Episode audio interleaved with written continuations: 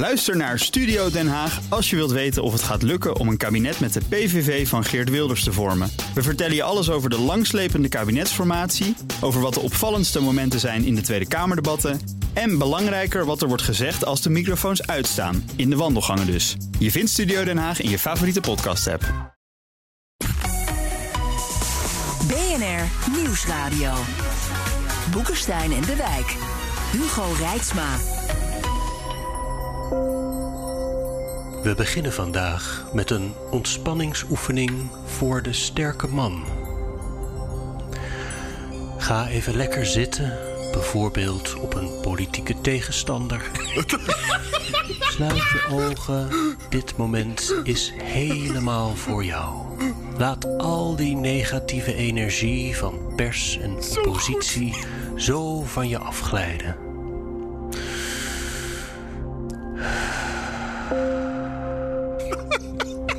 En als je gedachten dan toch even afdwalen naar een afvallige provincie of een opstandige deelrepubliek, ga dan weer zachtjes terug naar het nu, dat eeuwige moment waarin je altijd de macht hebt, zonder zelfs militair-technische maatregelen. In deze moeilijke tijden, met oorlogsdreiging aan de randen van Europa, als altijd een moment van bezinning bij Boekenstein en de Wijk. Ja, op zoek naar de nieuwe wereldorde. Met in de studio, altijd Zen, Arend-Jan Boekenstein en Rob de Wijk. Dat merk je wel aan een gelach, zeg. Altijd. Mijn god. zeg. Onze gast is defensiespecialist en Afghanistan-veteraan Peter Weininga. Welkom. Dankjewel. Ontspannen? Ja hoor, helemaal zin. Politieke tegenstander niet, geloof ik. We hebben het vandaag over, eh, over oorlogsdreiging en hoe we daarmee omgaan. En, en net gisteren heeft de Tweede Kamer steun uitgesproken voor wapenleveranties aan Oekraïne. In die dreigende situatie met Rusland. Is dat bijzonder? Hmm. Hmm. Het was wel te verwachten dat ze dat zouden gaan doen. De grote vraag is alleen maar, dat moet Peter maar even zeggen... of we nog wat, eh, of we nog wat in de aanbieding hebben. Want dat- misschien ligt er hier en daar nog een antitankwapen. Dat, eh, in, in, De rubberboot is lek. Ja. dus ik bedoel- Nou ja, naast eh, helmen en Helmen, oude, ja. oude helmen trouwens en oude schermves- scherfvesten. Ehm, ik denk inderdaad dat er nog wel eh, antitankwapens zijn. eh, van die persoonlijk dingen die je afvuurt vanaf je schouder, eventueel. Ehm, wel munitie dan ook voor. Want ik hoor dat ze de mensen pang pang moeten zeggen als ze aan het oefenen zijn. nee, maar die dingen, daar zit die raket al in. Oh, gelukkig. En, eh, je schiet hem af en daarna gooi je hem weg eigenlijk. En dan, en dan pak je de Dat is volgende. ook zonde. Nee. Eh, ja, dat klopt. Eh, eh, dus het zijn wegwerp antitankwapens. Maar met scherfvesten kan je ook gooien, hè? ik, ik geef je te doen om dat te proberen. Dat is ongeveer 12 kilo. eh. Dus, ehm, maar ik kan, ik kan me ook voorstellen dat er eh, nog wel voorraden munitie zijn. Als dat inderdaad eh, past in de wapens die ze hebben. Ik weet niet precies wat het Oekraïense leger heeft. Ik denk oude Russische wapen. Ja, voornamelijk Russisch, maar er is toch ook wel het een en ander gemoderniseerd. en hebben we nog wat stingers in de aanbieding? Nou, precies, dat is mijn volgende punt. zijn dus Zou eh, goed luchtdoelraketten, hè? Ja, ook schoudergevuurd. Ehm, en daarmee kun je in ieder geval laagvliegende vliegtuigen en helikopters bestrijden. Dus in die zin eh, denk ik dat er wel iets is. Of het veel is. Ja, of het ten koste gaat van onze eigen voorraden, waarschijnlijk. Maar ja, hier staan geen 127 Russen voor de deur. Dus wij hebben. 127.000. Wij, eh, wat zei ik? 127.000 bedoel je? 127 zei je. Oh, sorry. 127 Een paar nulletjes vergist. Nee, 127.000 Russen voor de deur. Dus wij hebben de tijd om dat weer op te bouwen. Ehm, dus ja, ik kan me voorstellen dat ze naar dat soort dingen kijken. Je kunt je ook voorstellen dat dus eh, Bobke en Mark even een dagje moeten wachten. Hè? Want Boris geeft toch i- iets meer. In Kiev, ja. ja, Eh, Arjan, de, de politicus in jou had gisteren wel genoten van het Kamerdebat eh, hierover. Ik heb, Heb ik. ik. heb weer zoveel tv's in de tuin gegooid. Het is... nee, nee, maar moet je je voorstellen. We hebben dus dan, dan zit er dus zo'n griezel van de PVV... Die gewoon, die gewoon letterlijk, alsof het een neutraliteitspolitiek van de jaren 30 is. Hè. Dat is een oorlog waar we niets mee te maken hebben... waar dat alleen maar onze belangen schaadt als we ons daarmee zouden bemoeien. Dat is gewoon een soort neutraliteitspolitiek. Hè. Ja, eigenlijk wel. Eh, Thierry Baudet ging natuurlijk weer, eh, had Russische propaganda goed opgeschreven en goed uit zijn hoofd geleerd en ging dat allemaal herhalen. Nou, de SP die heeft het curieuze standpunt dat we vooral geen wapens moeten leveren, dat iedereen daar moet ontwapenen. Nou, ik zou zeggen, SP stuur een brief naar Poetin, hè? kijk of het lukt. Ik zou zeggen, stuur de SP. Maar. Maar ik moet ook iets positiefs zeggen. Het, het, het, het centrum is steeds smaller, het midden steeds smaller. Maar ik moet toch een compliment geven aan Kati Piri en de PvdA... dat ze er staan. Ik heb haar dat haar ook persoonlijk laten weten via een appje. Daar was ik blij mee. Mooi. Rob, in jouw eh, column in Trouw vandaag eh, de, de hekel je de naïeve kijk van nou ja, ook veel eh, burgers. als je naar Ja. zo'n zo'n dreigend conflict kijkt. Het is echt een groot probleem hoor. Eh, je, je, je ziet eh, ook op de sociale media, maar ook zeg maar in de traditionele media gewoon continu wel de boodschap van ja, maar het is toch ons conflict niet. Hè? Dus eh, wat, wat Arjan net heeft gezegd, ik deel dat, maar dat is een breed sentiment. Ja. En, en mijn, mijn grote frustratie is, is dat, eh, ja, weet je, Jaap Toop Scheffer en, en ik, eh, eh, nou ja, misschien zijn er nog wat meer, maar dat is een uitstervend ras aan het worden. Die, die zich nog bemoeien met discussies over machtspolitiek. die, die snappen hoe militaire macht erin wordt gebruikt, hoe economische macht erin wordt gebruikt. Maar in dat postmoderne Europa, waar we denken dat veiligheid humanitaire veiligheid is, is dat denken gewoon is dat denken weg. Dus eh, hele generaties zijn gewoon verdwenen uit dit debat. En dat is echt een groot probleem. Ik bedoel, de mensen die nog begrijpen hoe dit werkt, die zijn of gepensioneerd, of die zitten er tegenaan. Maar het is, het is weg. En het is niet oud denken, zoals veel mensen eh, eh, denken van ja. eh, kernwapens spelen gewoon geen rol meer in het denken. Terwijl die levensgroot aanwezig zijn in dit hele debat. Ja. Dat is echt curieus. En dat komt omdat kernwapens zijn dus gewoon, dat mag niet. Daar moeten we tegen zijn. Terwijl dat juist stabiliteit gegeven heeft in heel veel situaties. Hè. Weet je, de kern van de zaak is dit. Macht vereist tegenmacht. Ja. En als je je daarvan loszinkt, Ja. en dat doen mensen steeds. Doen zo, ja, als we wapens sturen, dan leidt dat tot escalatie juist. Dat is juist een provocatie voor Poetin. Dat leidt tot nog meer doden. Terwijl de, je, de redenering moet andersom zijn. Juist de wapenleveranties maken het wat kleiner... dat Poetin vanuit het noorden bijvoorbeeld het zou aanvallen. Dan, ja. ik- dan denk ik dat hij het sowieso niet doet. Maar, ik, denk, ja. ik denk dat Poetin gewoon heel duidelijk moet krijgen dat als hij een militair avontuur in Oekraïne begint, dat de prijs voor hem heel hoog zou zijn Exact. in mensen en in middelen. En dat is de morele kant van machtsevenwicht. Ja, absoluut. Maar goed, wij begrijpen dat wel. Maar eh, eh, het is niet alleen maar Jaap en, en, en, en, en ik. Eh, zoals we nu aan tafel zitten, kunnen we dit soort gesprekken voeren. Maar dat is wel redelijk zeldzaam.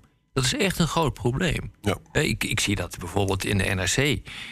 eh, die, die begint Afghanistan een geopolitieke interventie te noemen. Ja, ik bedoel, dan weet je gewoon echt niet waar je over praat als je dat, eh, als, je dat als redactie eh, doet. Dat is echt een groot probleem hoor, vind ik. En eh, ja, jij bent, Peter, jij bent oud-militair. Erger jij je niet kapot, continu? Ja, ik vind vooral, maar dat is al langer zo. Ik vind vooral heel lastig dat men in dit land on- in, in eufemismen praat als het gaat over oorlogsvoering. Ja. We noemen het vredesondersteunende operaties. Ja. Eh, we hebben een artikel 100 procedure met het parlement. Eh, om in, en, en al dat soort termen die bedekken eigenlijk waar het om gaat. Is dat je militairen, gewapend en al, naar een gebied stuurt waar het onveilig is en waar er geschoten kan worden. Ja. Herinner je nog de reactie zeg maar, in Afghanistan eh, met de slag om Chora? Was dat toch dat er in de Kamer vragen werden gesteld? We dachten dat het een reconstructiemissie was. Ja, natuurlijk is het dat. Maar als je wordt aangevallen of als jouw eh, doelen worden gedwarsboomd door gewapende Taliban, dan wordt er wel van je verwacht dat je gewapend optreedt en terugschiet. En even, jij zat als luchtmachtofficier in eh, Kandahar. Ja. Ja. Ja. En, en daar was ik plaatsvervangend commandant van het vliegveld. Eh, en daar kreeg je door voortdurend mee te maken. Dus Mensen hebben gewoon geen idee. Zo'n groot vliegveld. En dan die grote kerosine eh, laken. ja, het Het was ongelooflijk, hè? was een enorm vliegveld. Nou, je moet er echt gewoon, als je daar nooit bent geweest in dat soort gebieden, en dat valt ook echt niemand kwa- kwalijk te nemen. Ik zou ook niet iedereen aanraden om er nou direct naartoe te gaan. Maar als je dat nooit aan de lijf hebt ondervonden, hoe dat is, dan begrijp je ook niet wat oorlog is. En dan is het echt een ver van je bedshow. En Ja. dan, eh, dan, dan, dan denk je dat Saving Private Ryan, dat dat het ongeveer al is. En, maar het is tegenwoordig echt wel anders. Ja. En dat, dat is echt een groot probleem hoor. Wat mensen ook niet begrijpen is dit: hè, van als je dus geen tegenwicht biedt, dan stopt iemand niet. dan gaat het dus door. Hè? Nee, zeker niet iemand als Poetin. Kijk. Wat men niet begrijpt is dat het geen denker is zoals wij dat gewend zijn. Hè, en Hij heeft een hele andere ratio. En hij is een klassieke denker die eigenlijk maar twee factoren eh, erkent zeg maar, in, in de internationale politiek. En dat is economische macht en militaire macht. Daar heeft hij respect voor. Ja. En als jij economisch sterk bent, maar militair zwak, dan gaat hij je bespelen. Of andersom. Ehm, Dat is een belangrijk punt. eh. ja, dat is een heel belangrijk Dat is punt. een belangrijk punt, want dat betekent namelijk dat er een totaal gat zit tussen Ja. twee belevingswerelden. Ja. Ja. En, we de, en, en daar komt ook nog een keer bij dat we dus niet bereid zijn om ons in de schoenen van de tegenstander Juist. verplaatsen. Dat, dat willen we niet. Nee. En, en we hebben morele oordelen. Ja. Dus dit, dit Hm. loopt gewoon. Ja, dit, we zijn totaal ongeschikt Ja. om, om hierover te discussiëren zo langzamerhand. Maar ook om maatregelen, tegenmaatregelen. ja, dat klopt. En wij denken ook hè, dat als je nou maar eh, een beetje neutraal Oekraïne maakt en zo. Hè, en, de, en de NAVO zegt, doet dat in het geheim. Dat het dan allemaal voorbij is. Dat denken we ook nog. Nee, hij zal blijven pushen totdat hij. eh, Poetin heeft- Maar, ja, maar Jan, dat zijn toch bezweringsformules? Dat zijn ja, ik bedoel, eh, je- je- daar kun je vrij makkelijk af zijn. eh, je kunt je ervan afmaken door te zeggen: nou ja, dat land moet neutraal worden. Punt. ja. Zonder je, zonder je af te vragen, maar hoe dan? Ja. Eh, Dus er, eh, dat, dat, is, dat vind ik ook buitengewoon storend aan de politiek. Die, die, die glosseren natuurlijk in bezweringsformules. Ja. Ja. Eh, en die zegt, nou, dan, neutraliteit is een. dan moeten we dat doen. Dan hoef je er ook niet meer over te praten, weet Ja. je wel. Maar d- dit is natuurlijk gewoon lulkoek in het kwadraat. Want dan moet je, heb je ook de plicht, als je dat soort dingen zegt, van hoe dan? Gaan wij dan opleggen dat het land neutraal moet worden? Hebben die Oekraïners misschien zelf nog wat te vertellen over hun eigen land? Zeg het maar. Ja. Maar ik vind dat en- ook zo verbazend, hè, waar men de arrogantie vandaan haalt. Ja, exact. Dat je kunt bepalen wat een ander land moet gaan doen om zijn veiligheid te realiseren. Ja. Dus je praat in feite over de soevereiniteit van de Oekraïne. Ja. En praat je met bepaalde figuren in Nederland, figuren die nu eh, zeg maar met name de kant van Poetin kiezen, dan is de soevereiniteit van Nederland veel belangrijker dan wat je dan ook in Europa doet. En maar als het, om, als het om de Oekraïne gaat, dan moeten ze maar een stapje terug doen voor de lieve vrede. Het is gewoon hypocrisie. Ja, dat is het ook. Het is eigen volk eerst zelfs. En Dus- wat mensen ook helemaal niet begrijpen is dat.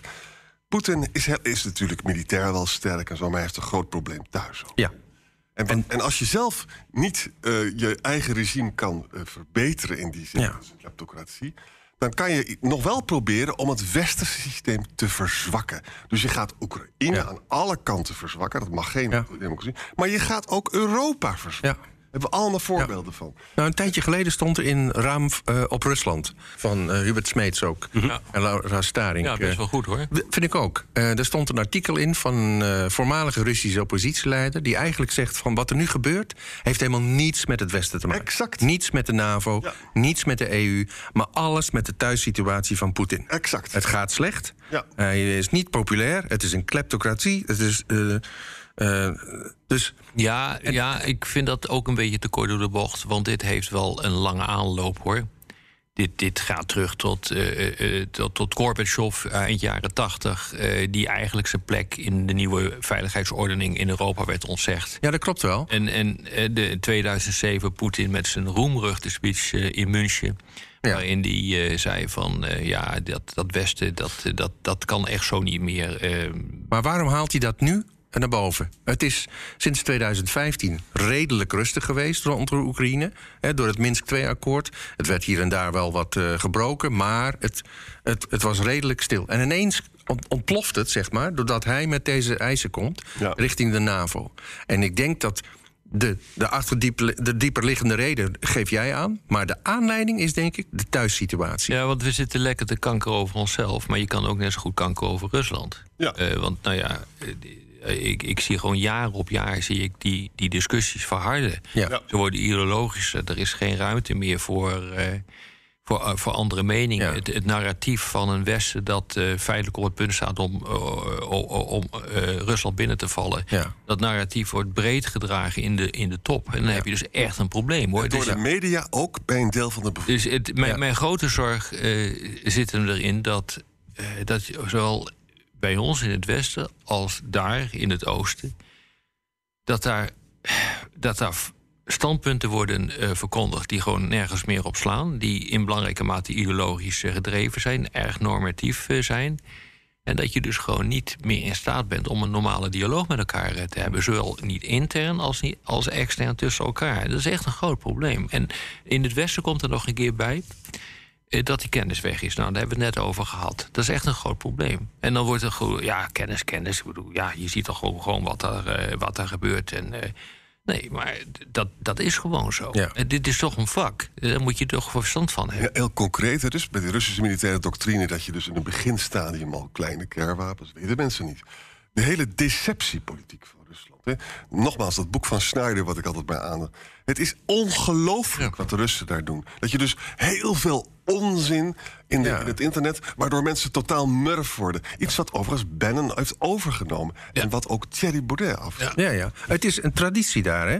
Een, eh, een, een, een Sovjet-traditie eigenlijk. Want in 1957 hebben ze al hun desinformatia-bureau opgericht. Exactly. Om, om de NAVO te bespelen. Ja, zo lang al. Zo lang geleden al.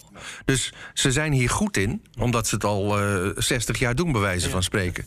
Nou, wat Eh, heel opmerkelijk is, Peter, is dat, eh, laten we zeggen, een, jaar of tien geleden Ja. werden complottheorieën werden steeds duidelijker in, eh, in Rusland. En die begonnen ook in het officiële discours, in de tijdschriften van bijvoorbeeld het ministerie van Defensie, begonnen die zijn intrede te doen.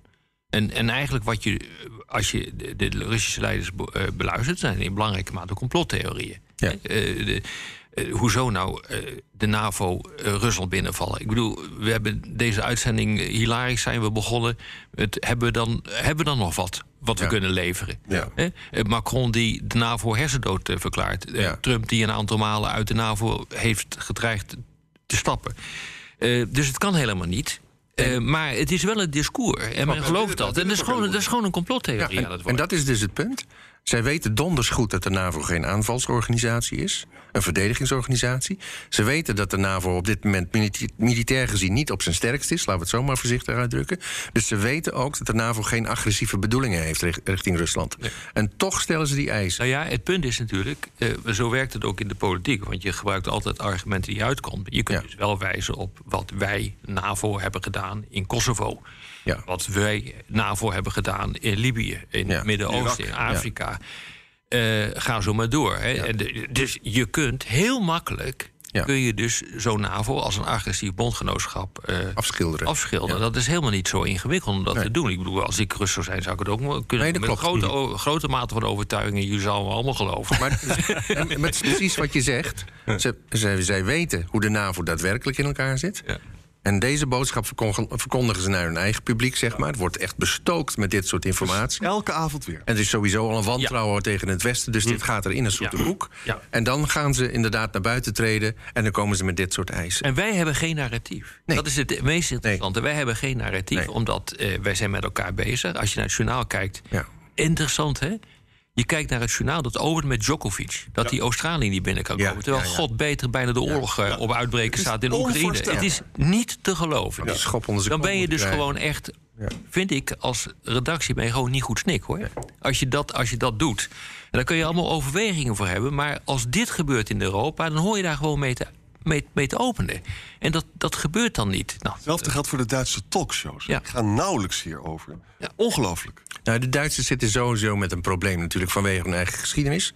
Ook met name met betrekking tot de Oekraïne. Hè, want in 1941 met de operatie Barbarossa hebben ze de Oekraïne ingenomen. Werden ze als bevrijders verwelkomd. Want de Oekraïners hebben altijd al onder het Russische juk Holodomor. Nou ja, eh, eh, die hongersnood in de jaren 30 inderdaad. Eh, maar vervolgens hebben ze zich als beesten gedragen in de Oekraïne. Dus die hebben een. Ja, de- de- de- denk aan Babi Jar en, en denk ook aan wat ze met gewoon allerlei Oekraïners hebben gedaan. Dus, ehm, dus, dus ik snap hun gevoeligheid richting de Oekraïne. Dat snap ik best. Ehm, maar ja, Beseffen helemaal niet. Weet je, bij Maidan ging Poetin op een hele slimme manier. Ze zijn allemaal nazi's een keer. ja, exact. Dan haal je dus die hele geschiedenis, die Ja. gevoelige punt haal je naar boven. Ja. Vond ik ook weer zo slim, hè? Ja. Die deceptiejongens daar Ja, ja. zijn echt heel slim. Maar we willen de feiten ook niet zien. Hè? Het woord kernwapen is al gevo- eh, Ja. gevallen. En eh, de running gag in het programma is de Derde Wereldoorlog. Eh, nou, die moet je vooral voeren met kernwapens.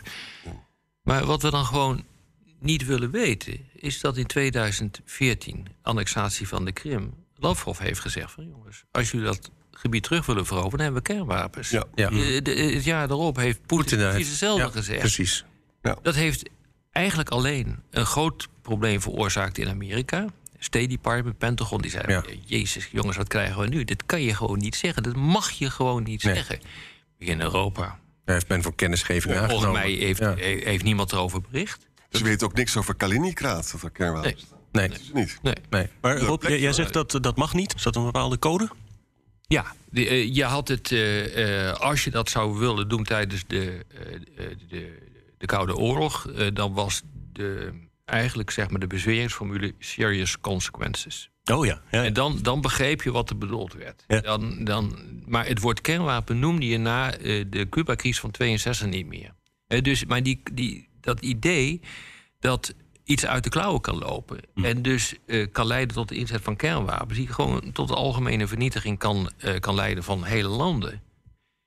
eh, dat, is, dat is verdwenen. En wat ik curieus vind, is dat... ehm, tijdens de Koude Oorlog na Cuba is het redelijk stabiel geweest. Er was wat gedoe geweest, maar dat viel eigenlijk al mee. Je ging nooit in elkaars invloedssferen zitten, dat deed je niet. Behal- Je zat wel te viespeuken in, in, in, in gebieden waar, waarvan het niet helemaal duidelijk eh, was... of ze onder de Sovjet-Unie vielen of Ja. onder, eh, onder Amerika. Daar werden dan maar, nu, maar wat je nu ziet is echt gewoon niet te geloven.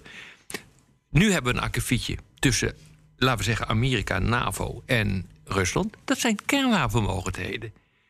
We hebben in 2020 een oorlogje gehad tussen China en India. Dat zijn kernwapenmogelijkheden. India en Pakistan gaan eh, regelmatig met elkaar op de vuist. Dat zijn kernwapenmogelijkheden. Het, het gedoe rond eh, Taiwan wordt gevoerd tussen China en Amerika. Dat zijn kernwapenmogelijkheden. Dat, dat is onvoorstelbaar dat dit mogelijk is. En daar moet echt veel meer aandacht eh, voor komen dat dat gebeurt. Maar die, die, die hele notie, hè, als je ook eh, zeg maar, de Nederlandse pers leest, eh, die komt gewoon. Nee. Ja, die, die, die- dat is weg. Denk ik. Die, die connecties worden niet meer gemaakt. En dat is, dat is zeer zorgwekkend hoor. En wat ik ook niet begrijp, als je nou een beetje vooruit denkt... en gewoon een beetje gezond denken, dit gaat natuurlijk niet goed. Er is een, een machtsvacuum. We zien ook dat het in Amerika gewoon niet goed gaat. Dus dan moet je toch gaan nadenken over een Europees kernwapen. Hè? Nou, dat doen we niet, want de Duitsers hebben het heel gelijk onder het tapijt. Ja. Kan allemaal niet. Hè? Maar je moet er wel over blijven. Nou ja, er zijn Britse en Franse kernwapens. Daar moet je eens over gaan praten. Alleen de Britten hebben zich buiten de EU eh, gemanoeuvreerd natuurlijk. Maar de Britten hebben wel eh, recent vorig jaar nog in dat nieuwe Atlantic Charter dat ze hebben gesloten met de Amerikanen gewoon expliciet gezegd: onze kernwapens zijn er ook voor de verdediging van Europa. De Ja. Fransen zijn daar ambiguur over. Ja, Ja. klopt. En Maar, maar het feit dat we daar niet over willen praten is natuurlijk heel erg veelzeggend. Ja. We doen net alsof dat niet bestaat. En dat bestaat natuurlijk wel. En waarom doen we dat? Omdat we weten dat in het parlement heel veel mensen daar gewoon niet over willen praten. Omdat ze net met hun dochter hebben gedemonstreerd tegen kernwapens. Of die moeten de wereld uit, weet je wel. Er zijn heel veel mensen die dat vinden. Ja, maar het is niet alleen politiek. Ik denk ook wel dat het in het Nederlands publiek zit. Men wil daar niet, eh, men wil daar niet aan denken. Het is de ver van mijn bedshow. Volgens mij is dat een unieke Nederlandse uitdrukking die in het buitenland niet treft. Ehm, ehm, en ja, maar, maar weet je wat ik zelf een, een, een punt vind? Ehm, hè, er wordt dan gezegd we moeten deescaleren en vooral niks doen. Geen vuile handen maken, stel je voor. We, nee, we moeten niet een oorlog in worden gerobbeld. Oh ja, ook dat. Maar, maar het punt is, is, als er iets gebeurt met de Oekraïne... stel het wordt eh, onder de voet gelopen uiteindelijk door de Russen... ik denk het niet dat het helemaal zal gebeuren, maar stel... dan vind ik dat je net zo goed verantwoordelijk bent... als je de andere kant op hebt gekeken en niks hebt gedaan... dat als je bijvoorbeeld wapens hebt gestuurd om te proberen ze in heel staat te stellen... zichzelf te ja, verdedigen. Wij denken vaak dat als wij er niks mee te maken hebben... dat het dan- ook niet gebeurt. Dan, dan zijn we ook niet verantwoordelijk voor de gevolgen. En ik denk... een hoop Chamberlains rond zijn. Ja, Ja, Dat is echt heel Ja. erg waar. Dus vervelende realiteiten onder ogen zien, dat is wat nodig is in, eh, in dit debat. Ja, dat willen we niet. Op de radio moeten we afronden, maar in de podcast gaan we langer door. Kan Rob nog verder praten? Eh, luisteraarsvragen eh, behandelen we dan. Luistert u op de radio, dan verwijs ik naar boekesteinendewijk.nl of uw favoriete podcast-app. Freek Zuid vraagt: Is eh, West-Europa naïef en of verwend? Nou, dat kunnen we dus met een ronduit ja beantwoorden. Ja. En wat moet er gebeuren dat Europa eens een serieuze defensie opbouwt? Of gaat dit nooit gebeuren? Ik, zo langzaam begin ik me af te vragen of het wel ooit gaat gebeuren. Ik ben ook heel. Want eh, eh, de voortekenen van het nieuwe strategische kompas van de Europese Unie, hè, waar Borrell nu eh, zo hard mee bezig is, komt over een paar maanden uit. Ja, dat is wat geneuzel over 5000 man. En daar proberen ze eigenlijk, nou, laten we zeggen, de, het, het scenario van Kabul. half jaar geleden proberen ze recht te zetten. Door een snelle interventiemacht te hebben om dat soort klusjes te kunnen Ja. klaren. Maar jongens, dat, daar gaat het natuurlijk gewoon Nee, het is kruimelwerk. Het is kruim, het is allemaal geneuzel in de Ja. marge. En, en, en eh, kijk, Nederland speelt er ook een kwalijke rol in hoor. Eh, het is ook ideologie. Eh, je hebt dus de hardcore pro-EU mensen die zeggen van we moeten een Europees leger hebben. En dan heb je de hardcore transatlantici die zeggen nee, dat moeten we niet hebben, want we moeten dat met de, eh, met de Amerikanen doen. Dat is zo'n totale idiotie die Ja. tot een padstelling leidt, waardoor er gewoon nooit wat gebeurt. Ja. En dat heeft dat. Ja, dat is echt een heel groot probleem. En als je dus die padstelling niet weet te doorbreken... en eh, als je niet kunt zeggen van... oké, hoe zit de wereld nu in in elkaar? Amerika verschuift eh, zijn aandacht naar Azië. We weten niet wat er naar eh, Biden komt. Misschien komt er wel een Trump 2. Ehm, eh, maar de geopolitieke veranderingen vereisen... dat we in Europa meer, eh, meer samenwerken. En dan dondert het niet of je dat doet in... eh, in, de Europese Unie, of dat je dat doet met eh, EU-landen, met andere landen erbij, of dat je dat doet binnen de NAVO. Als je het maar doet. Als je het maar doet. ja. maar, maar, die, maar ook politiek, en dat heeft ook weer te maken, denk ik, gewoon echt met het onvermogen om een normale analyse te kunnen maken. Ja, dan, dan gebeurt er dus niks. Dus ik ben, daar, ik ben daar wel op dat gebied wel pessimistisch over. Ik denk het moet eerst dus erger worden. Wil die wake-up call echt... eh, bijvoorbeeld als, als er vreselijke cyberaanvallen komen... en het bedrijfsleven heeft, eh, eh, heeft er ontzettend veel last van. Als er geflikker komt in het Balticum... Hè, dan hoop ik dat mensen zeggen van... ja, maar dit kan toch niet? En dan komen er ook mensen die zeggen... ja, Ja, maar, maar dat is te laat. ja, dat, dat- ja, dat is ook nog eens... Ja, maar kijk, maar ik bedoel, als je het echt wil doen, moet je de Rotterdamse haven platleggen. Dan gaat Dat men is hier in Nederland... gebeurd met dat eh non-PTA, eh Ja. eh, de hack van 2017. Ja, maar niet even. 17. Maar eh, Wel heel, dat is- heel diepgaand. Ja. Nee, wat, wat ik- zelf vind is. Kijk, het Europese leger wordt vaak voorgesteld als. eh, dat is een doel op zich, weet je. En als we dat regelen, dan zijn we er. Maar het punt is natuurlijk. Niemand dat je, weet wat dat is. Nee, en je moet zoveel stappen door, voor, eh, door eh, voordat je daar bent. We zijn helemaal niet eensgezind als Europa. Eh, Laat staan dat we het daarover eens zijn. Dus ehm, eh, ik, ik zie dat als voorlopig iets onbereikbaars. Ja. Ja, de- de aansluitend dan misschien de vraag van Joost. eh, moet dan dus niet het vetorecht eh, weg bij eh, beslissingen over buitenlands en veiligheidsbeleid? Ja, ik zag die vraag inderdaad. Ja, nou ja, ja, daar moet je dus inderdaad over gaan nadenken. Ja. Er zijn ook veel kansen. We hebben dat Sanchez-Rutte-paper, die dat voorstelt. Een non-paper was dat. Eh, ik denk dat eh, Duitsland wil daar zeker over praten. En Macron ook wel. Het lastige is dat zo'n besluit unaniem moet zijn om het vetorecht af te schaffen. Want in die, in die klem zit je dus nu. Dus ik zie het voorlopig niet gebeuren. Maar Orbán heeft zich weer zo misdragen. Het moment komt dat ze er een loodgieteroplossing voor gaan bedenken. Calcolo Ergosum vraagt: als Nederland Oekraïne steunt op gebied van cyberwarfare, is dat dan software of ook mankracht? En als dat ook mankracht betreft, wanneer kan Nederland dan worden beschuldigd van het verrichten van oorlogshandelingen en zo in het conflict betrokken raken? Dat is heel lastig. Eh, Het grappige is, eh, ze gaan twee man, geloof ik, daar naartoe sturen. Dus het is ook mankracht.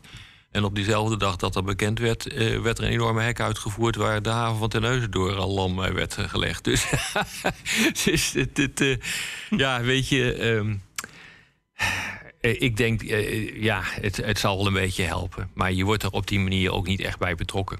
Eh, Nee, die dat, mannen- dat, dat gebeurt pas als je fysiek echt mensen het, het, het gebied Ja. inbrengt die mee gaan vechten. Ja, ik denk ook dat die mensen daar niet lang blijven. Die zullen met name bedoeld zijn om de boel op te zetten en luid te instrueren. En, eh, en dan misschien vanuit Nederland te begeleiden. Eh, maar die zullen daar niet blijven hangen. Dus eh, Nederland is dan formeel niet betrokken, Nee. zoals het heet. Rob Roenhorst vraagt: kan een conflict tussen Rusland en Oekraïne leiden tot opnieuw een massale toestroom van vluchtelingen? En hoe zou de EU hierop moeten of kunnen Ah, reageren? Dat kan zeker, denk Dat ik. kan. Ja, Ja. zeker. Het is wel altijd een manier om de EU te activeren hè, als er mensen deze kant op komen. Ja. Ja. Ja. Maar ook dat is natuurlijk weer zo'n punt. Jij noemt de EU.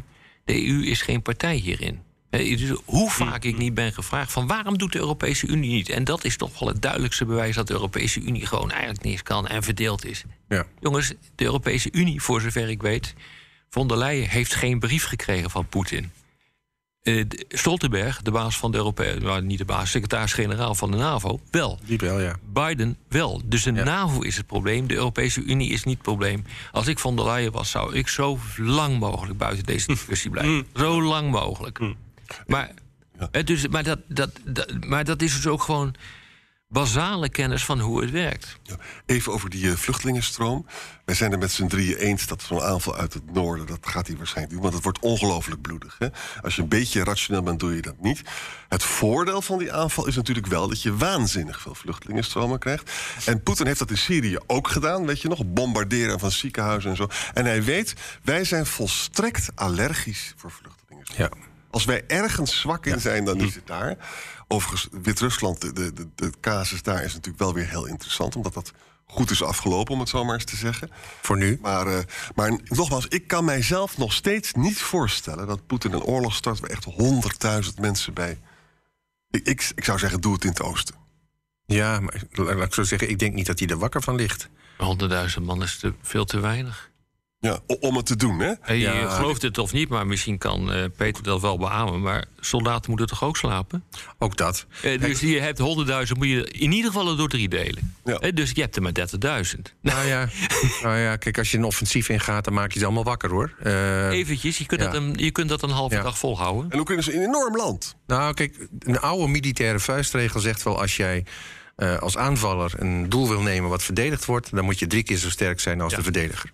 Dat is een oude vuistregel, dat gaat niet altijd op. Maar als je dan kijkt naar de huidige sterkte van wat ze daar verzameld hebben, 127.000 man. In het oosten?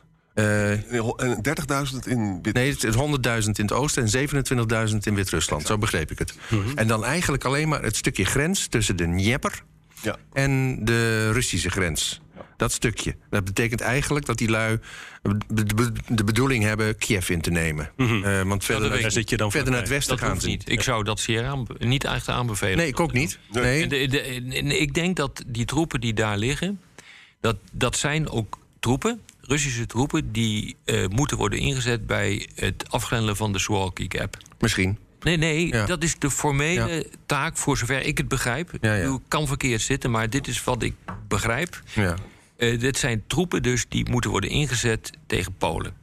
Ja. Ehm, eh, als het escaleert met de NAVO, Ja. wat kan... eh, dan ga je niet Kiev innemen met die troepen... maar dan ga je de Baltische Staten afgrendelen. Dat hoor je te doen formeel met die troepen.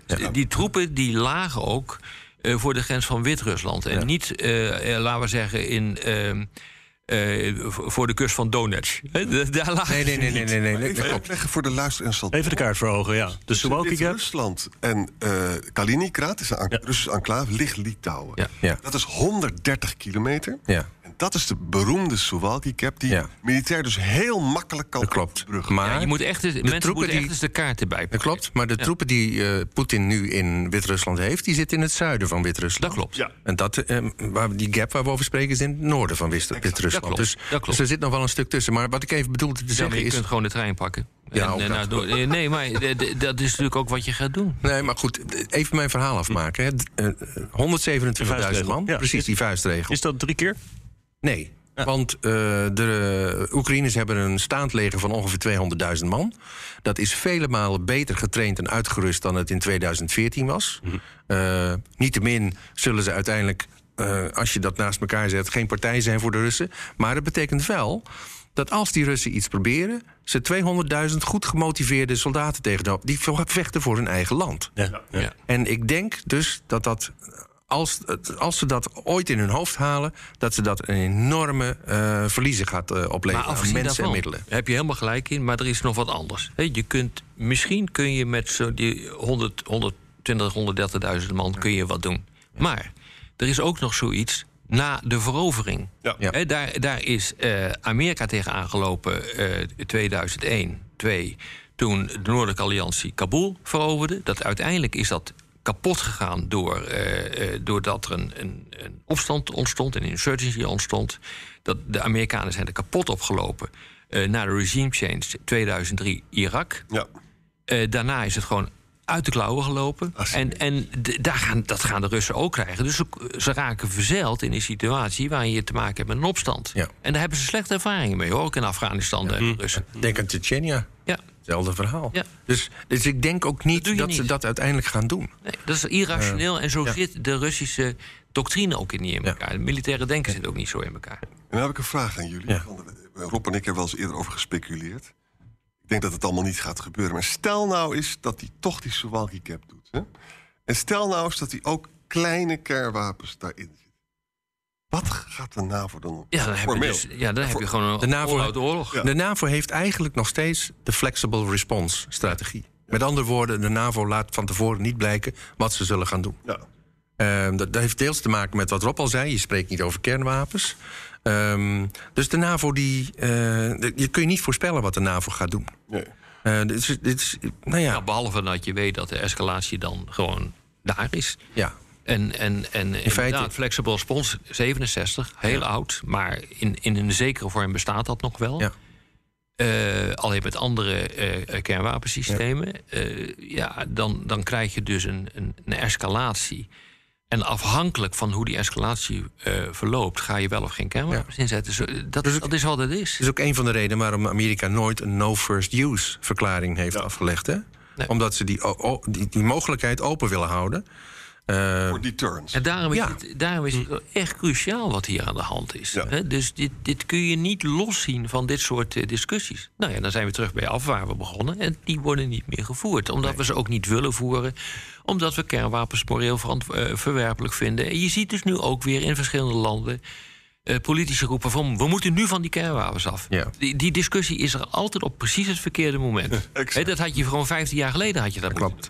Eh, Een crisis los je ook niet op met dat soort vergezichten. Nee.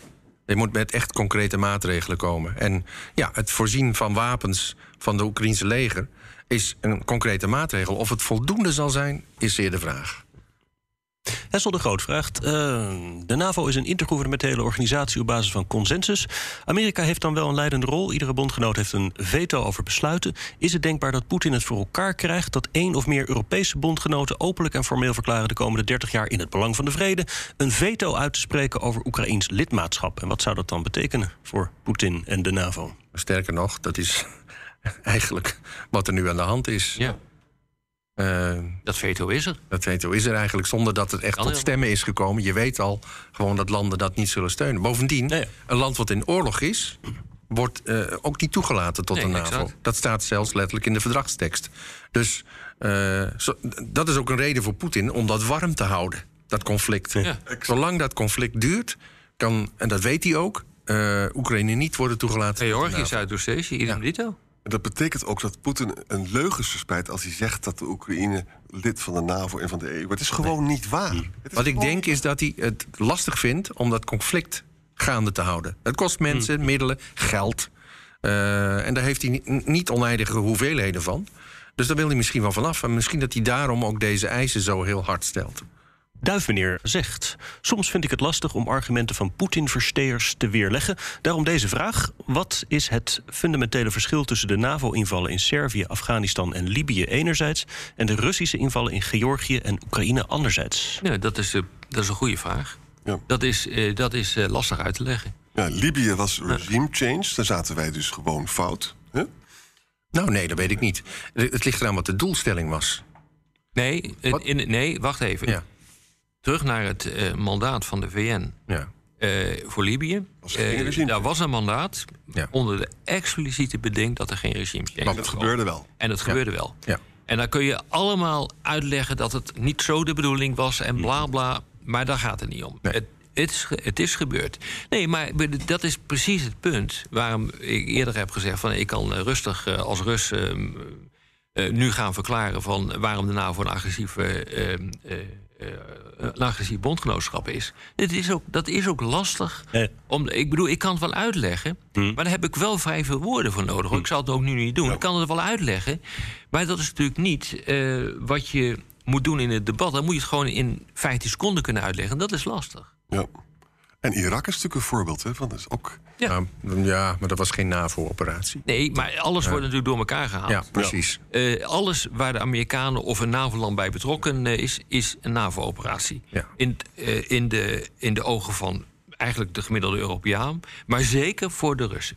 Alles. Ook voor, ook voor de Chinezen. Het is allemaal NAVO. Dus als je, Russisch, eh, als je Europese en Amerikaanse oorlogsschepen ziet varen, is het NAVO. En dat is gewoon niet zo. Nick Buurma vraagt hoe waarschijnlijk is het dat Amerikaanse drones... of de nieuwe Nederlandse drones boven Oekraïne gaan vliegen... in geval van een conflict? Zijn met name Turkse drones, heb ik begrepen. Ja, ze hebben zelf drones van de Turken, inderdaad. Eh, eh, verkennisdrones, eh, maar ook drones die wapens kunnen inzetten. Ik denk niet dat er Amerikaanse drones gaan vliegen en ook geen Nederlandse.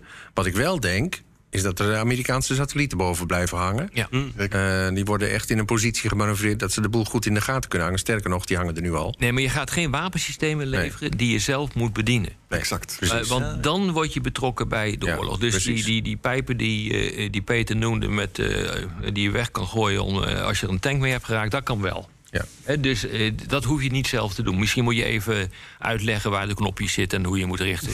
Eh, eh, maar, maar meer niet. Maar Wop Maar- heeft gisteravond wel gezegd dat er... eh, wij zullen geen troepen op de, op de grond hebben... maar met voorbehoud dat soms er ook mensen moeten zijn... die moeten helpen, weet je. Ja, dat klopt. Maar wat je niet gaat doen, waar bijvoorbeeld denk ik een enorme behoefte aan is, is Patriot-raketten. Ja, dat heb ik ook al zitten denken. Eh, eh, dat, als nou, ik denk, denk je niet, Peter? Als ze iets zouden willen hebben, dan is dat wel. Ja, Die krijgen ze natuurlijk nooit. Nee. Want er is geen Oekraïner die snapt hoe een Patriot het is werkt. hartstikke lastig. hè. Ja. Die Turkse drones waren overigens het conflict naar Nagorno-Karabach... van doorslaggevende betekenis. Ja, precies. Dus die, die hebben naam gemaakt. eh, Dus die zullen ook best wel effectief zijn. Ja. Ehm, ja, of ze tegen een grote Russische overmacht effectief zijn, dat is weer vers 2. Maar eh, het is wel iets om rekening mee te houden. Ja. Ik had nog een dronevraag van Mark Houben. Eh, is Peter bekend met de zogenaamde drone swarms... die in China worden ontwikkeld... en zijn NAVO-landen en Rusland eigenlijk op tijd opgewassen... tegen deze nieuwe wapentechnologie? Het is niet alleen in China, ook in eh, Europa en in eh, Amerika worden dit soort swarms ontwikkeld. Eh, ze bestaan eigenlijk ook al. Het, het betreft eh, grote zwermen van kleine eh, drones... Ja. die of eh, ver- kunnen verkennen of een klein eh, explosief bij zich hebben... en waarbij het heel moeilijk is om je tegen te verdedigen. Ja. Dat klopt, ja. Doet Israël ook, denk ik. Hè? Ja, meerdere landen inderdaad. eh, ja. Rest mij denk ik alleen nog de vraag van Melle. eh, Rob, heb ik je toestemming om je naam te mogen noemen... bij mijn motivatiebrief voor de selectie van politicologie? In viervoud Dat doe ik alleen maar als ik mensen goed ken. In viervoud, ik, ik toch? heb er niet direct een beeld van. Ik ben beschikbaar voor 10.000 euro. Oh, nou, Arend-Jan is, eh, is beschikbaar. Eh, dit is wel de leukste vraag die we tot nu Ja. toe hebben gehad eh, in Boekensteden de Wijk. Dan was dit weer Boekestein naar de Wijk. Namens Arend-Jan Boekestein en Rob de Wijk zeg ik dank voor het luisteren. Speciale dank aan Peter Weiniga voor het ontspannen gesprek. En tot volgende week.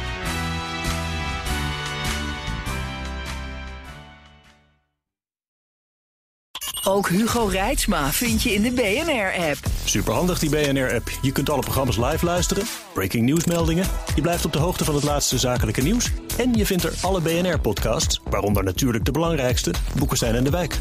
Download nu de gratis BNR-app en blijf scherp.